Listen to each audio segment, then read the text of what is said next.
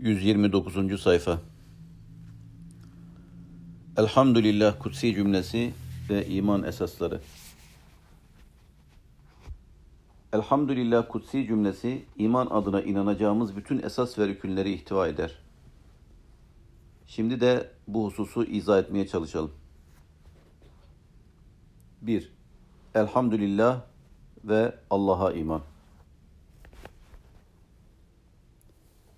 Hamd, Cenab-ı Hakk'ın eserlerini görüp onu alkışlama, kemali karşısında hayret ve hayranlık secdesine kapanma, cemali karşısında muhabbetten coşup taşma ve ihsanı karşısında yüzü yerlere sürme demektir. Lafz-ı celalenin kelime ve lügat yönüyle manasını arz ederken temas etmemize rağmen kısaca bu hususu bir kere daha hatırlatmamız faydalı olacaktır. Allah kelimesinin altında mabut, her şeyin kendisine inkiyat ettiği, münkadun ileyh sığınılan, kendisine dayanılıp iltica edilen, azameti karşısında hayranlık ve şaşkınlık duyulan ve kendisine itimat edilip güvenilen manaları vardır. Demek oluyor ki elhamdülillah denildiğinde kendisine dayanılan, hayrette kalındığı zaman kendisine iltica edilen ve muhtaç olunduğu zaman kendisine el açılan, ve sadece kendisine ibadet edilen bir mabut manası kastedildiği gibi onun dışındakileri mabudiyetten azletme manası da kastedilmektedir. Yine elhamdülillah denildiğinde Cenab-ı Hakk'ın sonsuz tasarrufu, kemalde güzelliği karşısında bir hayret ve şaşkınlık ve bundan ötürü bir secde, Cemali karşısında mest ve sermez kendinden geçme ve kendini boynu tasmalı, ayağı prangalı bir köle ve kul görme manası da düşünülmektedir. Hamd ve lafz-ı celalenin baktığı bu büyük mananın tercümanı ise La ilahe illallah'tır. Bütün kevni hakikatler La ilahe illallah'ta mündemiştir. Bu kutsi cümleyle mümin kafirden, müslim mülhitten, Allah'a tam teslim olmuş kişi zındıktan, muhlis münafıktan ayrılır. Adeta la ilahe illallah bir alamet ve bir nişandır. Onunla bir zümre diğer zümreden fark edilir. Şu kadar var ki bu kutsi kelimeyi sadece dilimizle söylemekle bu mazhariyete eremez ve varmamız gereken ufka varamayız. Zaten bu kelime gönülde izan, benlikte kabullenme şeklinde kendini gösterir ve insan hissiyatında hakimiyetini kurarsa ona iman denir. Yoksa üşüyen bir insanın ateş ateş demekle ısınamayacağı ve zehir içen bir insanın zehirlenmeyeceğim, zehirlenmeyeceğim demek suretiyle zehrin tesirinden kurtulamayacağı gibi söylenen sözler de çok defa kendini iman ve izan halinde gösteremez. İnsan en az zehirin öldürücü, ateşin yakıcı olduğuna inandığı kadar La ilahe illallah derken ibadete layık yegane zatın yalnız ve yalnız Allah olduğuna inanmalıdır ki buna iman densin.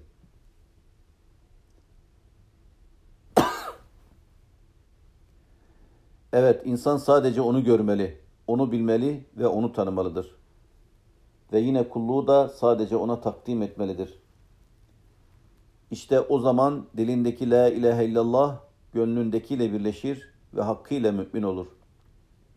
Bu şekilde olmayan iman iman değildir. Hayır, hayır. Ateşin yakıcılığına ve zehrin öldürücü olduğuna inanıldığı kadar Allah'a inanılmıyorsa bu iman olmaz. Buna iman denemez. Burada şu mühim hususu da arz edelim. Ateşin yakması ve zehrin öldürmesi bunların kendi özelliklerinden değildir. Ateşte yakıcılık, zehirde öldürücülük birer kanundur ve bu kanunları yaratan da Allah'tır. Onun içindir ki bir insan ateş bizatihi yakar veya zehir bizatihi öldürür dese Allah korusun ehli dalalet olur ve ehli sünnetten ayrılır. Ateş ancak Allah'ın dilemesiyle yakabilir. Nitekim Hazreti İbrahim'i yakamamıştı. Zehir ancak Allah'ın dilemesiyle öldürebilir. Nitekim zehir Bişir radıyallahu anh'ı öldürdüğü halde Resulullah sallallahu aleyhi ve sellemi öldürememişti. Bu hadiseler gösteriyor ki fiilleri yaratan ancak ve ancak Allah'tır. Allah'a inanan her insan bunu bu şekilde kabul etme mecburiyetindedir. Maddesiyle dünyaya bağlı olan insan ancak böyle bir imanla semaya doğru merdiven merdiven yükselir. Devamlı onu mabede doğru sevk eden gizli bir kuvvet vardır ve o ibadet edemediği an ve zamanlarda tarifi mümkün olmayan bir vicdan azabıyla karşı karşıyadır. Sanki onu yüceliklere ve yüce ufuklara doğru sevk eden itici ve çekici bir kuvvet var da o onlarla ufuk ufuk huzur aramaktadır. İmanı sayesinde insan bir itici ve çekici kuvvete irade ve aklını teslim eder ve bu teslimiyet de onu cennete ve cemali bakiye götürür. Artık o bu sayede mutmain bir insandır. İman onun kalbinde yakın hasıl etmiştir. Ve gönül dünyası cennete açık ve cemalullah'a parlak bir ayna olduğu gibi onun hanesi ve kendisi gibilerin meydana getirdiği ve getireceği cemiyet de burcu burcu lahut alemine ait kokuları neşredecektir. Kulluk beşerin fıtratında vardır. Allah Celle Celaluhu insanı yaratırken kul olacak fıtratta ve kıvamda yaratmıştır. Ancak beşer çok kere bunu kötü ve yanlış yere kullanmıştır. Taş, ağaç, yıldız, ay ve güneş gibi ibadete asla liyakati olmayan Allah'ın mahluku, aciz, zayıf varlıkları kulluk mihrabına dikmiş ve böylece ulvilerin ulvisi kulluk makamından süflilerin süflisi şirk ve küfür derekesine düşmüştür. Aslında bu netice dahi bize biraz evvel söylediğimiz hakikati anlatıyor. Kulluk fıtratta var olan bir duygudur. İnsanların hakiki mabudu bulamadıklarında bir sürü mabutlar uydurarak onlara baş eğmeleri bu tabii halden sapmaktan başka bir şey değildir. Halbuki fıtrat dini olan Hanifiyetin büyük önderi Hazreti İbrahim, Kur'an'ın ifadesi içinde bütün sebep ve vasıtaları ayaklar altına alarak Allah'a yükselmenin yol ve usulünü göstermektedir. O parıl parıl parlayan ve insana göz kırpan yıldızların mabut kabul edilemeyeceğini yine onların batıp kaybolmasıyla ilan ederken ay ve güneşin batmasıyla da aynı hususa parmak basıyor ve batıp gidenlerin mabut olamayacağını her seviyedeki insanın anlayabileceği bir dil ve üslupla ifade etmiş oluyordu. İşte beşer bunu idrak ettikçe Hazreti İbrahim Aleyhisselam'ın İnni veccehtu vecihe lillezî fetara semâvâti vel arda hanife ben yüzümü tamamen gökleri ve yeri yoktan var edene çevirdim değişindeki mananın yükseltici halkasına tutunup nurani helezonlarla yükselecek, kemal ve zirve noktası olan kulluğa çıkacak ve insanlığın ne demek olduğunu da ancak bu yükselişle anlayacaktır. İnsanlık bu seviyeye peygamberler sayesinde ve onların vasıtasıyla ulaşır. Peygamberlerin aydınlık yolunda kalp gözünden perdenin kalkmasıyla insan Cenab-ı Hak'la adeta yüz yüze gelir ve onu seyreder. Zaten mübarek bir sözde o ben arz ve semaya sığmadım, mümin kulumun kalbine sığdım demektedir ki bu sırrı ermek de ancak kullukla olur.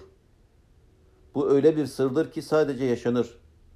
Onu kitaplar yazamaz ve veli onu ifade eden acizdir. Hatta az kimse müstesna, insanlar Kur'an tilavetinde dahi bu hisse ulaşamazlar. Bu öyle bir haldir ki bütün vasıta ve vesileler artık silinmiştir. Gönül sultanı kendi sarayına te- teşrif etmiştir. Ve o anda insan kendinde değildir. Kendisini dahi unuttuğu bir hal içinde kararsız, hayret ve hayranlığın doruğunda bulunmaktadır. Bu halde olan bir insan ne der? Hal ve durumunu nasıl anlatır? İşte bu durumda bazıları la mevcude illa hu demiş. Diğer bazıları da bu hallerini la meşhude illa hu ile anlatmaya çalışmıştır. Bir diğer grup da kainatta onun tecellisinden başka bir şey görmüyorum diyerek kendisine göre bir üslupla bu hali anlatmak istemiştir. Fakat ne derse densin, ne söylenirse söylensin, esas duyup hissedilenler yanında bu ifadeler sadece insana bir nefes aldırmak içindir. Yoksa meselenin esasını kelimelerle ifade katiyen mümkün değildir. Beşer tevhid ve Allah'a imanla huzura kavuşur ve elhamdülillah değişimizin altında kendini bize tanıtan ve bu tanıtışıyla bizi tevhide erdiren Cenab-ı Hakk'ın bir lütfuna karşı da şükranımızı arz ediş manası vardır.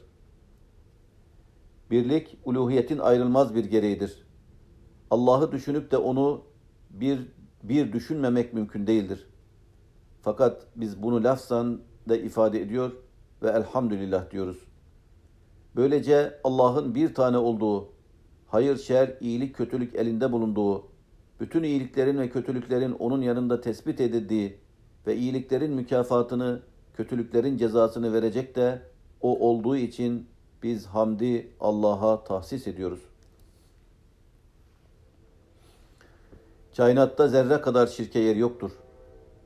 Bürhan-ı temanu ve reddi müdahale yani emsalin aynı kutupların biri birini itmesi ve müdahaleyi kabul etmeme kanunu şirki şiddetle reddetmektedir. Bir köyde iki muhtar, bir kasabada iki müdür, bir beldede iki kaymakam, bir vilayette iki vali olmaz, olursa keşmekeşlik olur. Bu durum gösteriyor ki hakimiyet ortak kabul etmez. Kainattaki düzen, intizam ve nizamı ile kendini hissettiren Allah'ın eşi ortağı olamaz.'' Allah odur ki kudretine nispeten bir zerreyi yaratmakla kainatı yaratmak arasında fark yoktur. Aynı kudretle insanı yarattığı gibi bütün kainatı, bir çiçeği yarattığı gibi bütün bir baharı, baharı yarattığı gibi bütün dereceleriyle cenneti ve bütün tazeliğiyle ebediyeti yaratır. Öyleyse hayali ifsad edip fasık kılacak ve gönül huzurunu silecek ortak tasavvuru, insanı tedirgin ve rahatsız etmeden başka, onun düşüncesini dağıtacak, düşünce sistemindeki birliği bozacak zihni bir hastalıktan başka bir şey değildir. لَوْ كَانَ ف۪يهِمَا آلِهَةٌ اِلَّا اللّٰهُ لَفَسَدَتَا Gökte ve yerde Allah'tan başka bir ilah olsaydı, gök ve yer fesada uğrardı. Ayeti kerimesi, kelamcıların Burhanu Temanu adını verdikleri delile çok açık olarak bize de bu hakikati anlatmaktadır. Onun için biz sebepleri azdediyor, Hristiyanların düştüğü vartaya düşmekten kaçınıyor. Hatta gönüllerimizin Sultanı Hazreti Muhammed'e dahi şirki hissettiren bir muhabbetin kalbimize girmesine asla meydan vermiyoruz. Allah'ın hakkı Allah'a ait, peygamberimizin vesileliği de peygamberimize aittir diyor. Dengeyi muhafazaya çalışıyoruz.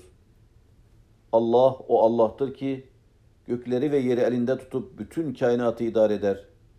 Hazreti Muhammed sallallahu aleyhi ve sellem o sultandır ki mabudu mutlakı görmüş, ondan emirler almış, itikad ettiğimiz akaidi aynen yakın müşahede etmiş, yaşadığımız şeyleri bizzat yaşamış, müşahedenin, yaşamanın, görmenin kendisinde hasıl ettiği yakın ile karşımıza çıkmış, kendisi tereddüt etmeden inandığı gibi bizleri de böyle bir inanışa davet etmiştir. Onun gönlünden çıkan en tonlu ifade ve sözler bütün müminlerin gönlünde de makes bulmuştur. Düşünün ki aradan 14 asır geçmesine rağmen Resulullah'ın marifet deryasına attığı cevherlerin meydana getirdiği dalgalar iç içe daireler gibi 20. asrın sahiline kadar gelip ulaşmıştır. La ilahe illallah kutsi hakikati, Allah'ın mabudu mutlak olduğunu, kulluk ve ibadetin sadece ona yapılıp sadece onun karşısında baş eğilmesi gerektiğini anlattığı gibi Hz. Muhammed sallallahu aleyhi ve sellem onun elçisi ve kainat sarayında onun teşrifatçısı olduğunu da dile getirmektedir. Bu kelam gönül evimizde bir hisse Allah'a, bir hisse de Resulullah'a ayırıyor ve biz La ilahe illallah hakikatini böyle anlıyoruz. Mümin işte bu imanı elde edip her şeyi Allah'ın yedi kudretine verdikten sonra kainattaki bütün eşya ile bir münasebet kurar. Artık onun ruhunda vahşet, tiksinti ve ürküntü yoktur. O taş, toprak, kuş, ağaç, hülasa bütün hayvanat ve bütün nebatatla kardeş olur. Mümin kainata mehdi uhuvvet, kardeşlik beşiği nazarıyla bakar. Çünkü her şey birden gelmiş ve neticede bire dönecektir. İnsan ceset ve şekliyle haşrolacağı ana kadar ruhuyla Allah'a bağlı kalacaktır. Daha sonra varacağı yerde Mevlasını apaçık görüp mevcudiyetini hissedecektir. Uhud savaşından dönerken Allah Resulü başı yarılmış, dişi kırılmış, yaralı bir haldeydi. Emir dinlemedeki nezaketi o gün için kavrayamamış olan sahabe yüzünden mutlak bir galibiyetten olunmuştu. Buna rağmen o, bütün varlıkla kurduğu sevgi ve dostluğu perçinleştirircesine Uhudun cebelun yuhibbuna ve nuhibbuhu Uhud bir dağdır. O bizi, biz de onu severiz. Uhud bir dağdır. O bizi, biz de onu severiz buyurmuştur. Bu sevgi atmosferi hata işlemiş sahabe ruhunda öyle bir emniyet hasıl etmiştir ki o anda söylenecek başka bir söz belki bu tesiri icra edemezdi. Ancak biz bu hadiseyle meselenin ayrı bir yönüne bakmak istiyoruz. O da Allah Resulü'nün eşya ile olan münasebetidir. Sanki o anda Uhud dağı üzerinde birçok mümin şehit düştüğünden ve kainatın yaratılış gayesi olan Nebi'nin dişinin kırılmasından dolayı ürkmüş, irkilmiş vaziyetteydi. Ve işte Allah Resulü bu ifadesiyle Uhud'a teselli veriyordu. Başka bir defasında da üzerinde bulunduğu Uhud dağı sarsılınca Üthbüt Uhud fe innema aleyke nebiyyun ve sıddîkun ve şehiden buyurarak dur ey Uhud senin üzerinde nebi, sıddık ve iki de şehit var demiş ve onun emri üzerine de dağ durmuştu. Belki son durum itibariyle bu bir mucizeydi. Ancak evvelki hal Efendimiz sallallahu aleyhi ve sellemin her zamanki tavrıydı. O eşya ile münasebete geçiyor ve bütün bir kainata kardeşlik beşiği nazarıyla bakıyordu. Onun hayvan, ağaç, taş ve daha nice varlıklarla konuştuğu tarihen sabit hakikatlerdendir. Ve bir müminin de Allah Resulü sallallahu aleyhi ve sellemin bu hareketinden alacağı ders ve ibret cidden büyüktür. Bu hakikate ulaşma da ancak tevhide ermek ve her şeyin birden gelip bire döneceğine tam ve yakini bir imanla inanmakla mümkündür. Onun içindir ki Allah Resulü sallallahu aleyhi ve sellem imanın tercümanı olan La ilahe illallah cümlesini şu mübarek sözüyle şöyle anlatıyor. Efdalu ma kultu ene ve nebiyyune min qabli La ilahe illallah.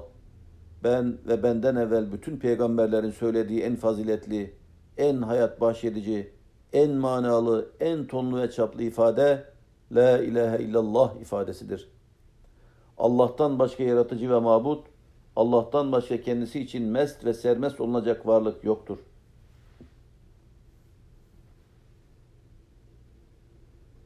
İki, Elhamdülillah ve meleklere iman. Tevhid akidesini elhamdülillah kutsi cümlesinde bulduğumuz gibi meleklere imanı da aynı cümle içinde bulmaktayız. Zira bu cümlede en ulvi şekilde Allah'a hamd etmek manası vardır. Halbuki zaaf ve isyanlarıyla insan çok kere esas ulviyetine layık şekilde hamd etmekten uzaktır. Demek ki isyan ve unutma kendilerine arız olmayan ve daima Allah'a kulluk yapıp onu yad eden kullar olmalıdır. Evet Allah'ın böyle mükerrem kulları vardır ve dinde onlara melek denir. Hazreti İbrahim hakkı Hakkın mükerrem ibadıdır melekler yerde göklerde. Avamından avamınası eftal eylemiş Allah ifadesiyle bize bu hakikati anlatmaktadır.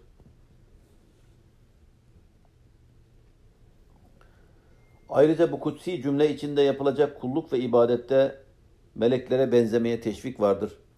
İsyansız ve nisyansız kulluk yapmak isteyenler meleklere benzemelidir.'' Bir fark var ki insan meleklere benzer kulluğu sayesinde meleklerden üstün hale gelir. Zira ondaki zaaflar kemale ermesi için bir vesile olur. Halbuki meleklerin makamı sabittir. Diğer taraftan insan halife olarak yaratılmıştır. Melekler mutlak bir itaat içinde fıtratlarına yüklenen vazifeyi yapmaktadırlar. O melekler ki Rabbileri onları şöyle anlatmaktadır. La ya'sun Allah ma emerahum ve yef'alun ma yu'merun. Onlar Allah'a, Allah'ın emrettiği şeylere asla ve kat'a baş kaldırmazlar ve harfiyen Allah'ın emirlerine itaat ederler. İnsan da en az onlar kadar yaratılış gayesine uygun hareket etmelidir ki, hilafet gibi bir paye ile şereflendirilmenin şükrü eda edilmiş olsun. Aynı zamanda bu kutsi cümlede Allah'a karşı ibadetlerini takdim eden diğer varlıklara sadece bu yönleriyle benzemeye de teşvik yapılmıştır. O varlıklar ki Rabbilerine karşı galete eteyne ta'i'in biz itaat ederek geldik demişlerdi. 3. Elhamdülillah ve kitaplara, peygamberlere iman. Elhamdülillah Kur'an-ı Kerim'i ve sair kitapları da içinde taşımaktadır. Kur'an-ı Kerim'i bize gönderen Allah Celle Celaluhu'ya hamd ve sena olsun. Biz Allah'a kulluk yapmayı, onu sena etmeyi, peygamberlere karşı hürmet ve saygıyı ancak Kur'an sayesinde öğrendik. O Kur'an gelmeseydi biz hamd etmeyi bilemeyecek ve Allah'a nasıl kulluk yapılacağını anlayamayacaktık. Allah Celle Celaluhu Kur'an'ı indirdi ve biz kulluğu ve Allah'ı öğrendik. Allah'a karşı kulluğumuzu ancak o kitaptaki programa göre yapıyoruz. Böyle bir program olmasaydı kulluk da olmayacaktı. O zaman yaptığımız hareketler bir toteme, bir puta ve bir heykele yapılan şeylerden farksız olacaktı. Öyleyse kulluk dediğimiz zaman kulluğun programı olan kitabı düşünmemeye imkan yoktur. Meleğin dilinde, Nebi'nin tebliğinde, Allah aleminde, kelam sıfatı muhtevasında kitabı düşünmeden kulluğu ve mabudu mutlakı düşünmek mümkün değildir. Böylece bir taraftan bizi hamd ettiren kitap, diğer taraftan hamd, sena ve şükrün keyfiyetlerini öğretmesiyle Elhamdülillah kutsi cümlesinde bir çekirdek halinde yer almaktadır. Kitap, melek ve meleğin emir getirmesi düşünülür de şu kainatı en güzel bahçe gibi hazırlayan, en debdebeli bir bağ haline getiren, bizleri çeşit çeşit nimetleriyle besleyip büyüten, sonra bu nimetlerin arkasında kendisini bize tanıttırmak isteyen, tanıttırmak isterken de ezeli ve ebedi hutbesi olan Kur'an-ı Kerim'le o nimetleri anlatan Allah Celle Celaluhu'nun o kitabı bize tebliğ edecek bir keşşafı, bir yaver-i ekremi ve şu kainat sarayına gelecek seyircilere şu muhteşem sergideki sırları anlatıp açıklayacak bir dellalı olmaması düşünülebilir mi? Bunun olmaması muhaldir. Onun içindir ki peygamberlerin gönderilmesi lüzumlu bir keyfiyet arz etmektedir. Ve elhamdülillah ifadesinin altında peygamberler de vardır. Aslında bu kelimeyi telaffuz etmekle sanki biz Allah'ın peygamberler göndermesine karşılık da hamd etmiş oluyoruz. Zaten peygamberlik kafilesinin kaf, kafiyesi olan Hazreti Muhammed sallallahu aleyhi ve sellem adı da hamd kökünden gelmektedir. Ahmet, Ahmedi Mahmudu Muhammed derler sana diyen şair, onun hem Ahmet hem Mahmud ve hem de Muhammed olduğunu anlatmaktadır. Evet o hem çok hamd eden hem Allah'ın matbah nazarı hem de ferdi ferit makamının tek ve yekta sahibidir. 4. Elhamdülillah ve ahirete iman. Elhamdülillah kutsi cümlesini candan ve gönülden söylemek ve buna devam etmek bize öldükten sonra dirilmeyi de hatırlatır. Zira devam etmeyen nimet nimet değil nikmettir. Nikmet ise insandaki dostluk ve muhabbet duygularını düşmanlık ve nefrete dönüştürür. Dünyada kendisini bunca nimetleriyle tanıtan, sevdiren bir rahmeti sonsuz, bu dünyada kendisine hamd ettirirken, nimet ve rahmetini kesmek suretiyle edilmekte olan hamde bir son verdirmeyecektir. Aksine ebedi bir hayatta insanlara ebedi olarak hamd ettirecektir. İnsanlar hamd ederek yaşıyor ve ahirette hamd ederek yeniden dirilecek ve müminler meleklerin teşrifatçılığı ile cennete girdiklerinde Elhamdülillahillezî sadakana va'dehu diyerek vaadinde duran ve kendilerine cenneti bahşeden Rabbilerine hamd edeceklerdir. Demek oluyor ki bu kutsi ve mübarek cümle Kur'an'ın esas gaye ve hedefi olan dört ana meseleyi öz olarak içinde sakladığı gibi imanın bütün rükünlerini ve ibadetin bütün çeşitlerini de ihtiva etmektedir. Hakiki hamd madem ki cennette devam edecektir, o halde cennete ehil hale gelmek, dünyada hamd etmek ile mümkün olacaktır. Ve insanı cennete ehil hale getiren de ancak ibadet ve takvadır ki, bu hususlar Kur'an'da detaylarıyla anlatılmıştır. Dolayısıyla hakiki olarak elhamdülillah demek, bütün Kur'an'ı kendine rehber edinmek ve bütünüyle İslam'ı yaşamakla olacaktır. El-alemin kelimesi istidradi antiparantez bir aradan sonra şimdi de el alemin kelimesi üzerinde duralım. Rabbi kelimesine yukarıda bir nebze temas etmiştik. Mevzuun sonunda bu iki kelimeyi yine değişik bir açıdan tahlil edeceğiz. El alemin alemler manasına gelir. Bu kelimenin başında el yani lam-ı tarif dediğimiz el belirlilik takısı vardır. Lam-ı tarif ahd için kabul edilecek olursa Cenab-ı Hakk'ın bildiği sayısız ve sınırsız bütün alemler kastolunuyor demektir. Alem ise alametten gelen bir kelimedir. Zerreler aleminden yıldızlar alemine kadar her alem Cenab-ı Hakk'a ait bir alamet ve bir delil olması hasebiyle aleme alem denilmiştir. Ruhlar alemi, eşbah alemi, misal alemi, berzah alemi ve daha daha niceleri. Bu manasıyla alem ne güzel şeydir ki onunla Allah bilinir. Kainat ne kadar eşsiz bir tablo ki o tabloda Allah müşahede edilir. Elvan elvan kainattaki cemal dalgaları ne tatlı bir şey ki onda mutlak cemal ve mutlak kemal sahibinin cemal ve kemali görülür. Cemal ve kemale ermek ise görmeye bağlıdır. Bu da ancak devamlı düşünen bir beyine ve gönüle müyesser olur. Kainatta hiçbir varlık abes ve boş yere yaratılmamıştır. Bu hakikate sürekli düşünme ve tefekkürle ulaşılır. Bu ulaşmadır ki Rabbül Alemin olarak kendini tanıtan Mevla'yı anlama ve idrak mevzuunda önümüze yeni yeni ufuklar açar. Hazreti Ömer radıyallahu anh devrinde çekirge kıtlığı oldu ve çekirgeler birdenbire ortadan kalkıverdi. Hazreti Ömer buna çok üzüldü. Yemen, Şam ve Irak'a gidenlere oralarda çekirge görürseniz bana haber verin diye tembihlerde bulundu.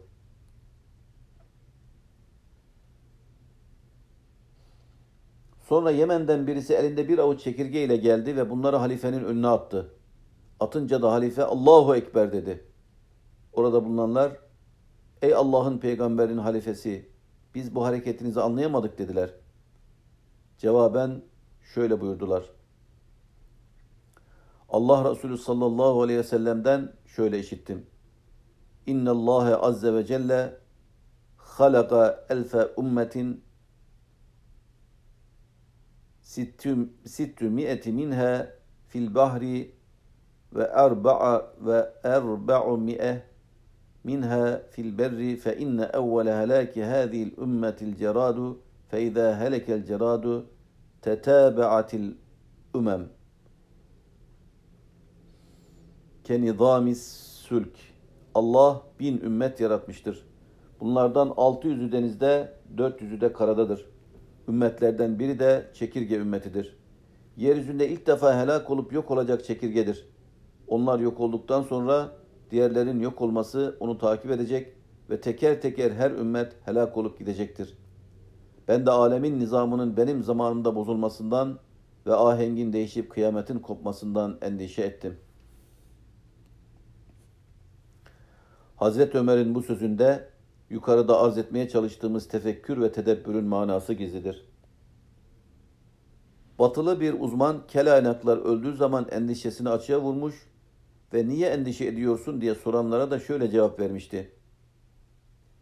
Sani Azam'ın alemler adına kainatta yarattığı her şey bu kainatın tamamlayıcı parçalarıdır.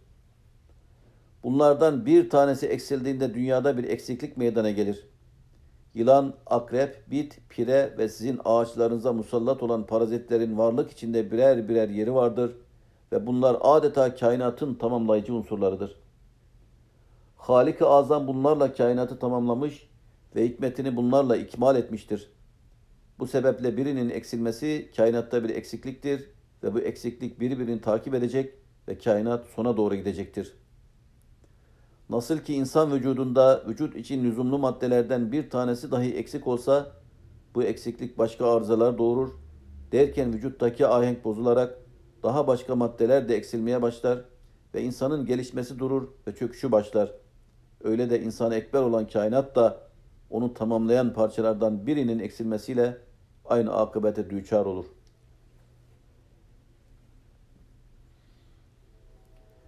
Terbiye açısından Rabbil Alemin beyanı. Şimdi de Rabbil Alemin kutsi cümlesini ayrı bir yönüyle ele alıp tahlil edelim. Burada mastar olduğu halde ismi fail manasına gelen Rab kelimesi ve ardından da bütün alemler manasına alemin kelimesi zikrediliyor. Bütün alemlerin terbiyecisi ve bütün alemleri kemale erdiren Allah'tır. Demek bütün alem Allah'ın terbiyesindedir. Onun terbiyesini görmeyen kemale eremez. Onun terbiyesini almayan ot, ot olarak varlığa eremez. Onun terbiyesiyle tımar olmayan ağaç meyve veremez. Onun terbiyesinden geçmeyen hava zehirden arınamaz. Onun terbiyesini görmeyen şeker kamıştan ayrı olamaz.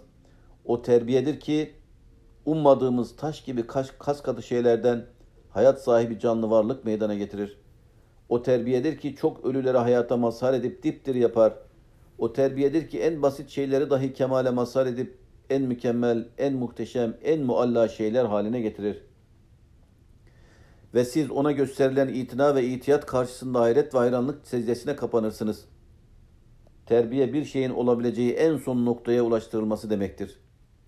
Bir otun çiçek açma kabiliyeti varsa onun nihai gelişme noktası çiçek açmaktır. Bir ağaç meyve veriyorsa onun son noktası da meyve vermektir. Esasen meyve vermesi gereken bir ağaç meyve vermiyorsa o terbiyede kemale ermemiş, terbiye olmamış demektir. Bir yılanın terbiyesinde de bir son, bir son hududu vardır. Eğer bu yılan zehirliyse onun terbiyedeki kemali zehrin teşekkül etmesidir.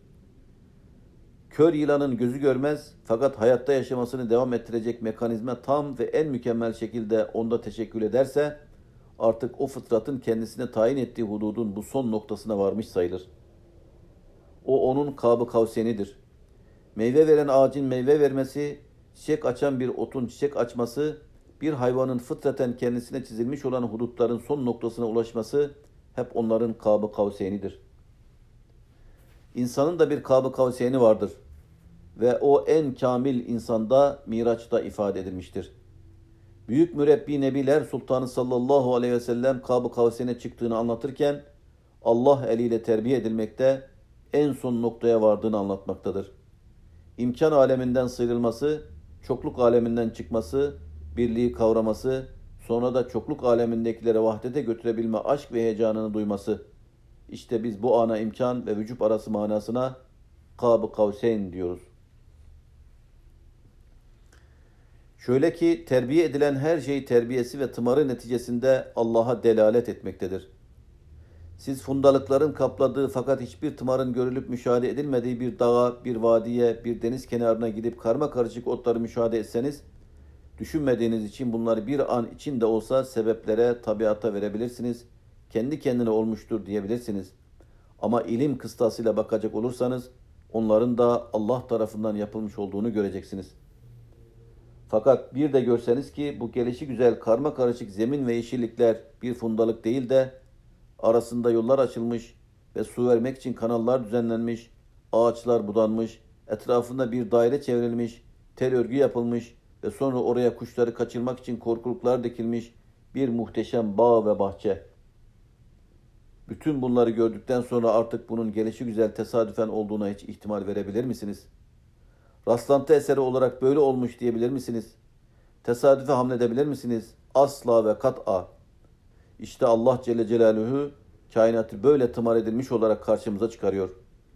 Tıpkı kanalı açılmış, bağ bahçesi tımar edilmiş, içinde yollar yapılmış ve sonra korkuluk gibi şeyler dikilmiş, etrafı da tel örgüleriyle çevrilmiş bir bahçe gibi karşınıza çıkan her ağaç, o bağdaki her parça, her gül ve çiçeğin adeta insan gibi Allah dediğini duyacaksınız.'' İşte bunun için sanki cansızlar da şuurlular arasına katılarak aleminden bir parça oluyor. Allah hepsini katıp karıştırıyor. Meleği insana, insanı şeytana, şeytanı cine. Ve seni bir safta mütalaa ederek diyor ki, ağaçtan ota, ottan bağa, bağdan bahçeye, bahçeden yerin bağ ve bostanlarına kadar, ondan da semanın yıldızlarla yaldızlanmış, tertemiz yüzüne kadar her şeyi terbiye eden ve her şeyi en uç noktaya kadar götüren Rabbül Alemin ünvanıyla Allah'tır.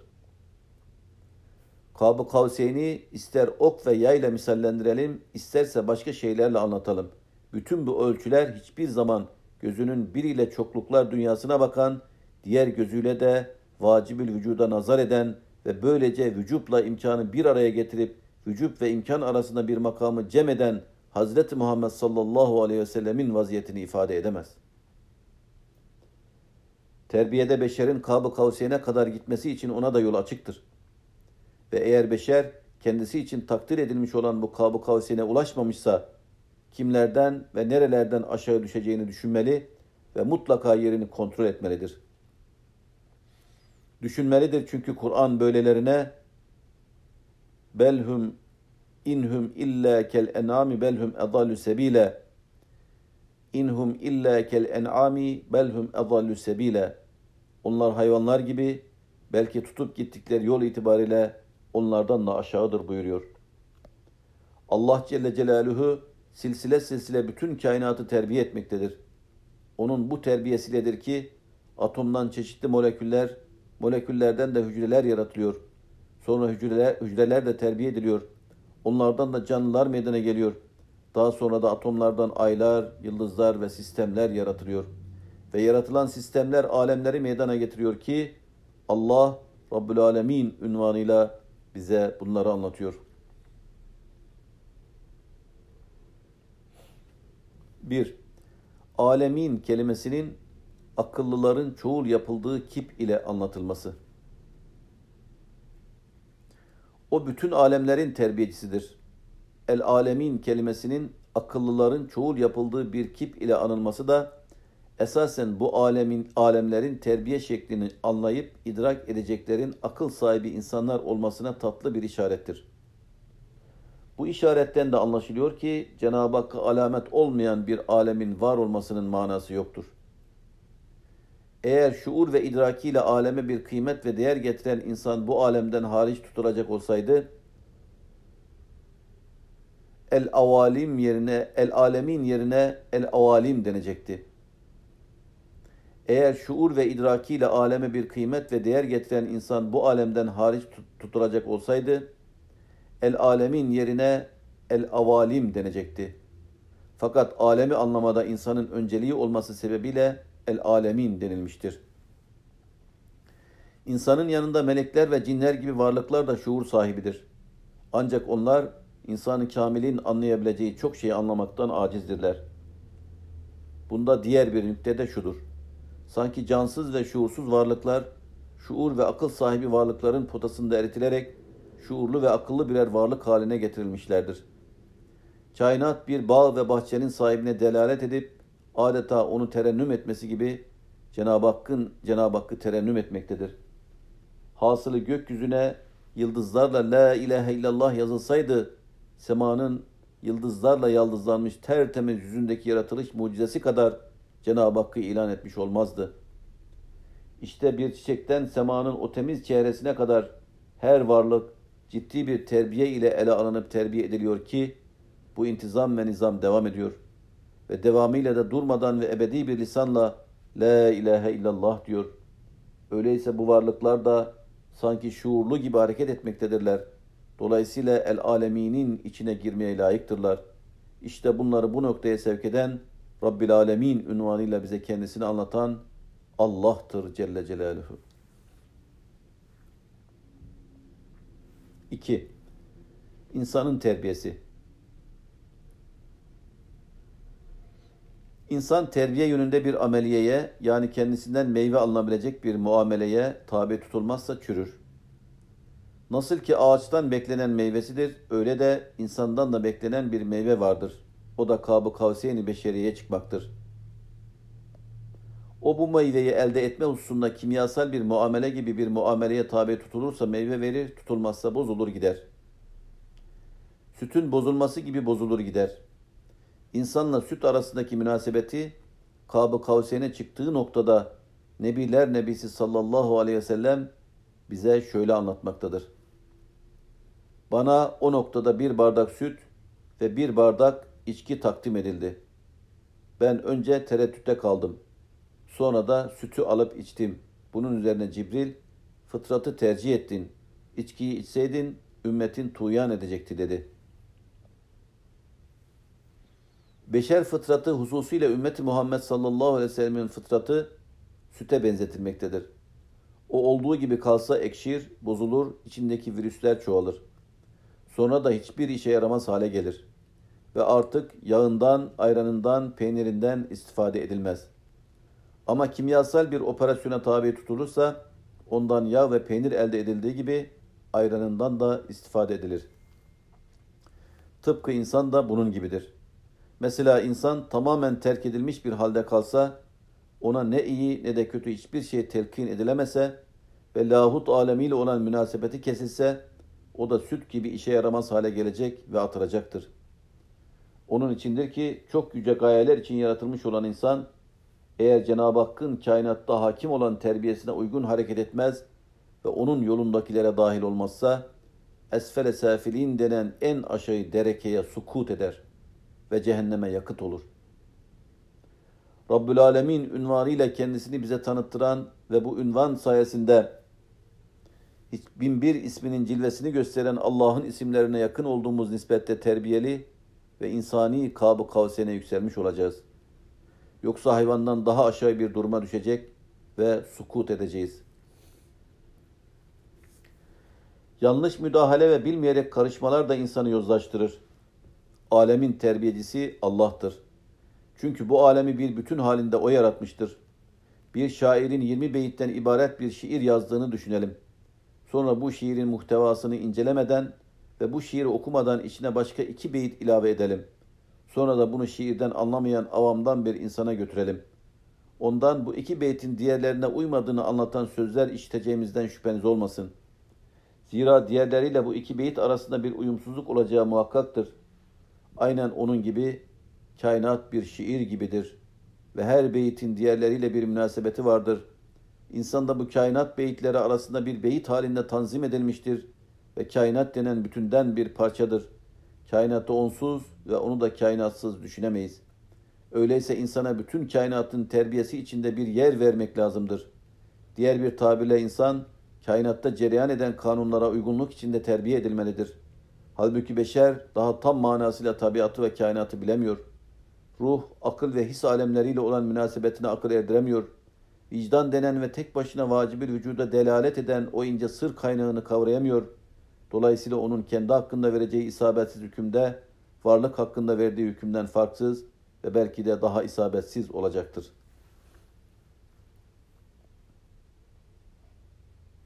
Üç, Beşeri terbiye düsturları ve acı manzara. Bir hayli zamandan beri beşer kendi terbiyesine müdahale etti. Ve bu hususta psikoloji kitapları yazdı, terbiye adı altında bunu nesillere takdim etti. Bu dönemde nesillerin terbiyesine soyulmuş psikolog ve pedagoglar büyük büyük laflar ettiler. Ettikleri laflar o kadar tiz perdedendi ki çok kimseler bütün çekiciliği anlaşılmazlığına bağlı bu lafların tesirinde kaldı ve neslin ancak onların dediği şekilde terbiye edileceğine kandılar. Halbuki işte yetiştirdikleri nesiller kitabına, terbiyecisine, anasına, babasına, atasına, mazisine, köküne, nizamına ve hatta bütün kainata düşman bir nesil. Bütün dünya aynı badireden, aynı girdap içinde Rabbin terbiyesi dışında terbiye olamayacağını hal diliyle göstermekte. Terbiye ettim diyenlerin yüzlerine tükürecek bu koca yalanı onların yüzlerine vurmaktadır. Nesle yanlış müdahale onu şirazeden çıkardı. Bilmeyen el ve kafalar ona terbiye adına zehir içirdi. İlim, fikir, düşünce ve hisse yetersiz zorba bir zümre, ardı arkası gelmeyen kapris ve arzularına nesilleri alet edip onun üzerinde oyun oynadı. İnsanı herhangi bir tecrübe tahtası telakkisiyle tecrübe etmeye kalkıştı. Bu ardı gelmeyen denemeler çeşit çeşit bulaşıcı hastalıklara sebebiyet verdi. Nice millet ve devletler yıkıldı. Yıkıldı ama yıkılanlardan ne bir şey duyan ne de hisseden oldu. Zaten insanı bir pislik fabrikası ve bir makine yığını şeklinde değerlendirenlerden his ve duygu da beklenemezdi ki. Evet, onların bütün iktisadi ve siyasi kavgalarının altında insan hakkındaki bu yanlış telakki yatmaktadır. Kendi zaaflarını aynasında görüp öyle mütalaa ettikleri insan mefhumu işte bu hevesperestlerin elinde bugünkü hale gelmiştir. Beşer kendi fıtratına ve aslına dönerek bu gidişe bir dur demezse netice pek de iç açıcı olmayacaktır. İnsanlık kendisiyle ruh, kalp ve hisleri arasındaki münasebeti kavrayıp Cenab-ı Hak'la olan alakasını idrak edebilirse ancak ondan sonra bu sapmalardan kurtulacaktır ki Bunu da bize sadece Kur'an-ı Kerim ve Kur'an'ın tecessüm etmiş tek misali Nebiler Sultanı anlatır ve izah eder. Zaten yukarıda bir nebze dahi olsa batılı tasvirimiz de bu manaya intikal edebilmek içindi. İnsanın evci kemale çıkması ve fıtratının kabı kavsenine ulaşması ancak ve ancak ilahi terbiye ile terbiye edilmesine bağlıdır. Bu kemale eriş ise Allah ahlakıyla ahlaklanma düsturunda esas mane ve tonunu bulacaktır. Din insana böyle bir ahlakı tavsiye eder ve sadece tavsiye ile kalmaz. İnsanı elinden tutup bu makama erdirecek yolun başına getirir ki sırat-ı müstakim de Kur'an'ın tutup gittiği bu yoldur. Halbuki bugüne kadar beşeri sistemler meseleye ne kadar ilmi ve pozitif veçe vermeye çalışırlarsa çalışsınlar, onların tedavi adına her teşebbüsü insana indirilmiş müthiş bir darbeden ibaret kalmıştır. Vitrin hırsızları Merd-i Kıpti'nin şecaat arz ederken sirkatini söylediği gibi şecaat arz ettiklerinde vitrin hırsızlıklarını anlatacaklar. O milletlerin, o devletlerin radyolarında, televizyonlarında asi, şaki ve anarşistler, teröristler halka kurtuluş ordusu şeklinde takdim edilip gösterilecektir. Onların radyo ve tele televizyonları asiyi, şakıyı alkışlayacak ve dünya düşünürleri, dünya terbiyecileri ve terbiye müesseseleri de buna aydınlık diyecek. Verilen terbiye eseriyle ölçülür. Ve işte sokaklar ve işte bugünkülerin verdiği terbiye. Eski vahşiler şimdi birkaç dakika içinde yapılan cinayeti bütün hayatları boyunca yapamıyorlardı. En vahşi insan 5-10 adamı ancak öldürebiliyordu.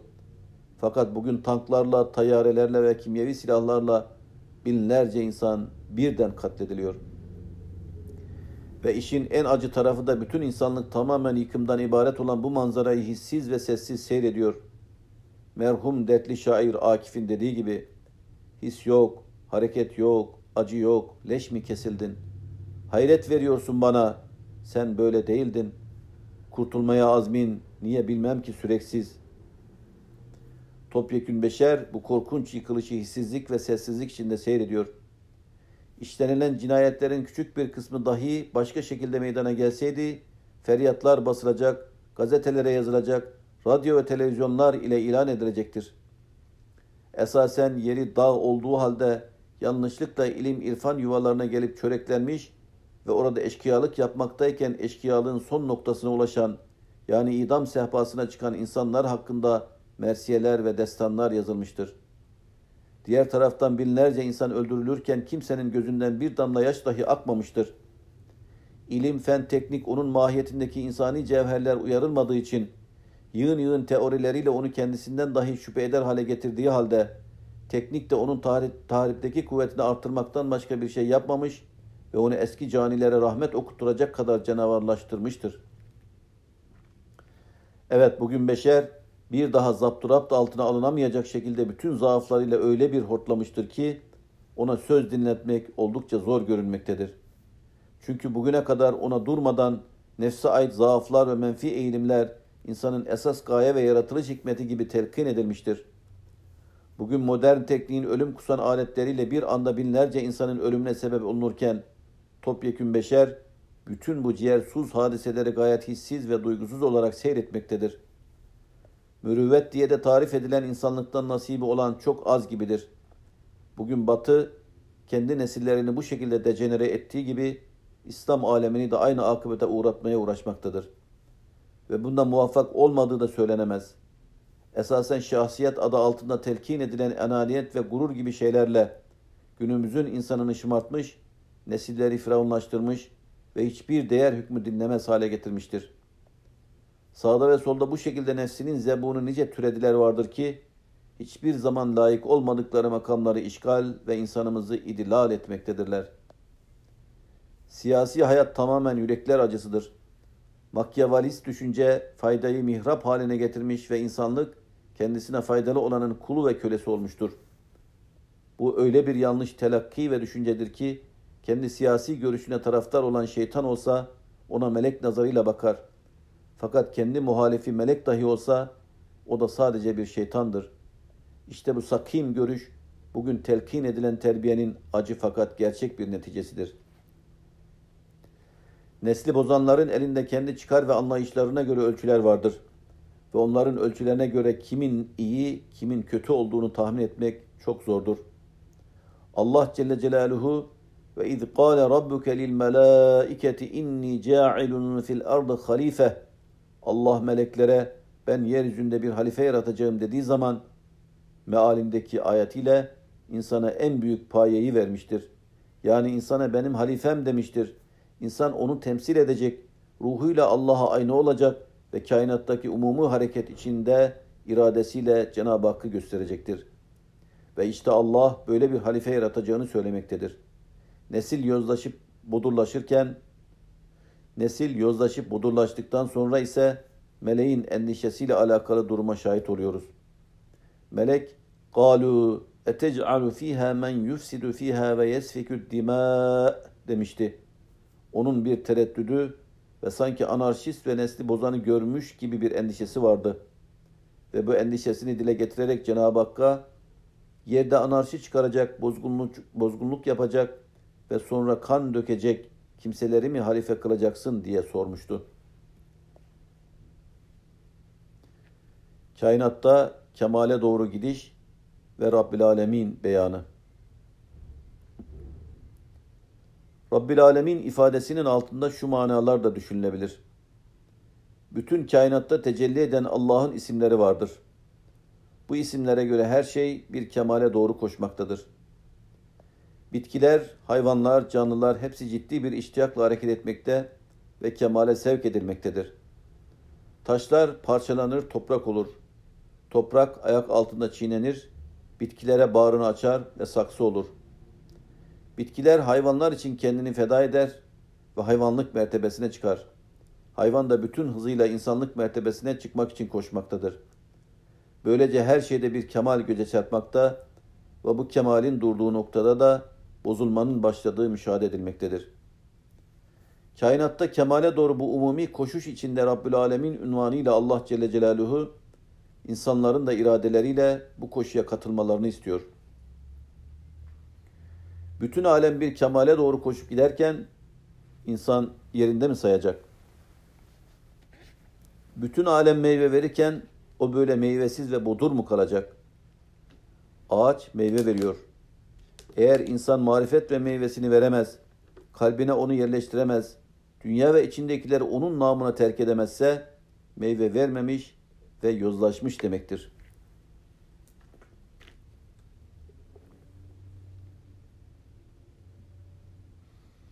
Halbuki insan Allah'ın bütün isimlerinin cami bir aynadır. Allah'ın her ismi bir hat, bir çizgi ve bir nokta halinde onun mahiyetine derc edilmiştir. Sonra Allah insandan kendi iradesiyle koyduğu kerem, ihsan, akıl ve fikir gibi cevherleri yine insanın kendi iradesiyle izhar etmesini talep ediyor. Yani o iradesini kerim, muhsin, akıllı ve mütefekkir olma yolunda kullanacak ve Cenab-ı Hakk'ın yerleştirdiği bütün madenleri doğru ve istikamet içinde ateşlemeye bakacaktır. İnsanın manevi mahiyetinde öyle madde ve madenler vardır ki bunlar ilahi fitillerle ateşlenirse elmas, gümüş, altın ve pırlanta halinde ortaya çıkacak. Fakat beşeri ölçülerle ateşlendiği zaman ise elmas kömür haline gelecektir. İnsanı kamil ufku ve terbiye. Rab kelimesi mastardır. Allah öyle terbiye edicidir ki onda terbiyenin dışında bir şey göremeyiz. Tabiri caizse sanki o terbiyenin ta kendisidir. İnsan da terbiyede öyle yakınlık kazanmalı ki adeta terbiyenin ta kendisi olsun.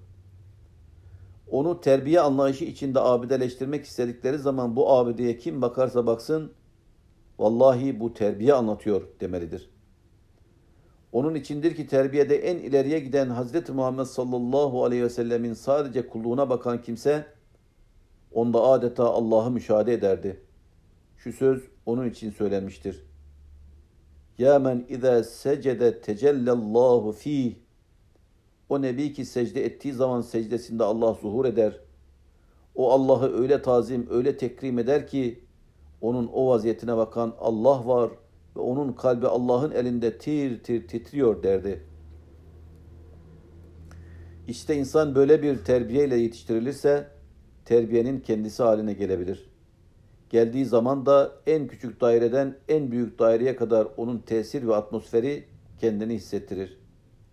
Aile ve cemiyet bu anlayışa yavaş yavaş da olsa alışır ve bütünleşir. Bu durumda söylenen sözler makes bulur, teklifler hüsnü kabul görür ve insan kendi mahiyetine tezahür ve tecelli eden bütün esma ilahiyeye tam ve cami bir ayna olarak yaratılış gaye ve payesine erer. Zaten Cenab-ı Hak kendisini insanla görmek için onu yarattı. İnsan tam manasıyla onun isimlerine ayna olursa hakiki yakınlığı kazanmış ve böylece Cenab-ı Hakk'ın terbiyesine kavuşmuş olur. Bir ameliyeye tabi tutulmadan, bir muamele görmeden ve tımar edilmeden neslin kurtuluşunu beklemek saf dilliktir. Eğer bütün dünya nesillerinde bir kurtuluş, bir ıslah hali bekleniyorsa, bu bizim kendi gayret ve iradelerimizle Allah'a teveccüh etmemiz şeklinde gerçekleştirilmeye çalışılmalıdır. Evet Resul-i Ekrem aleyhissalatü vesselam dediği, yaptığı ve olduğu gibi bir düzen kurmak istiyorsak onun gibi davranmak zorundayız. O Bedir'de ellerini açtı ve Allah'ım bu senin askerindir. Burada mağlup olursak kıyamete kadar artık senin adını anacak olmayacaktır diye yalvardı. O kadar ısrarla yalvardı ki cübbesi sırtından düşerken farkında bile değildi. O bu noktaya kadar irade ve ihtiyarıyla yapabileceği her şeyi yapmış ve tam kıvamında bir cemaatle Allah'ın huzuruna çıkmıştı. Ondan önce bütün himmetiyle ve inayetiyle Allah'a dayanıyor, Allah'ım ötesini sana havale ediyorum diyordu. Ve Allah Habibinin imdadına koşuyor, onu teyit ediyordu. Artık insanlarla beraber o meydanda melekler at koşturuyordu. İşte böylesine bir yöneliştir ki Allah'ın yardım ve muvaffak etmesiyle kötülüğü emreden nefislerimizin ve bütün kötülük emreden nefisler için çalışan şeytanlaşmış insanların başına melek kırbaçlarının inmesi şeklinde bir netice doğuracaktır. Allah doğrudan doğruya işe vaziyet ve müdahale edecek ve onun terbiyesine uygun hareket ettiğimizden dolayı da böyle bir terbiye yaratacak ve bizi terbiyeli cümleler arasına katacaktır. Allah'ın terbiye kanunları dışındaki terbiyeye terbiyesizlik denir. Evet kemale erdirmeyen ve insanı son oluş noktasına götürmeyen terbiye noksandır. Halbuki terbiye bir bütün olmalıdır. Bir yol bizi insanın varacağı son noktaya götürmüyorsa o yol batıldır. Halbuki bir insanın varacağı en son nokta ise onun doğruluktan evci kemale çıkması ve kabı kavsiyene ulaşmasıdır. Halbuki bir insanın varacağı en son nokta ise onun doğrulukta evci kemale çıkması ve kabı kavsiyene ulaşmasıdır. Muhyiddin İbni Arabi Şam'da sokakta gezerken bir şakinin dar ağacında asılmış olduğunu görür. Hemen onun yanına koşar ve gayz içinde bu adamı seyreden kimselerden birinin yanına sokulur ve sorar. Bunu niye astılar? Adam, Hazret bu bir şakı idi der. Tekrar sorar. Ne yapmıştı? Adam cevap verir. Eşkıyalık. İnsanlara musallat oldu, ırza namusa saldırdı, adam öldürdü. Bunun üzerine Muhittin İbn Arabi koşar, Şaki'nin ayaklarını öpmeye başlar. Etrafındakiler ona, Hazret bu insanların en pes ve en aşağısıdır, ne diye ayaklarını öpüyorsunuz derler. Cevap verir. Hayır, dediğiniz gibi değil. Her mesleğin bir müntahası, bir kemali, bir son noktası vardır. Her meslek, meslek sahibini o noktaya sevk eder. Meslek sahibi o noktaya vardığı zaman kemale ermiş, olgunlaşmış olur. Şekavet mesleğinin son noktası da idam sehpasıdır.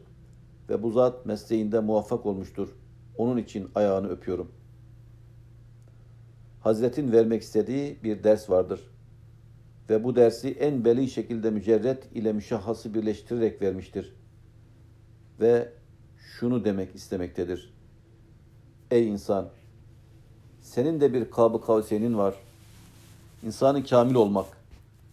Ve ey mümin! Senin kabı kavsenin ise Allah, Resulullah ve Kitabullah'ta fani olmak ve nefsaniyetin itibariyle eriyip gitmek.''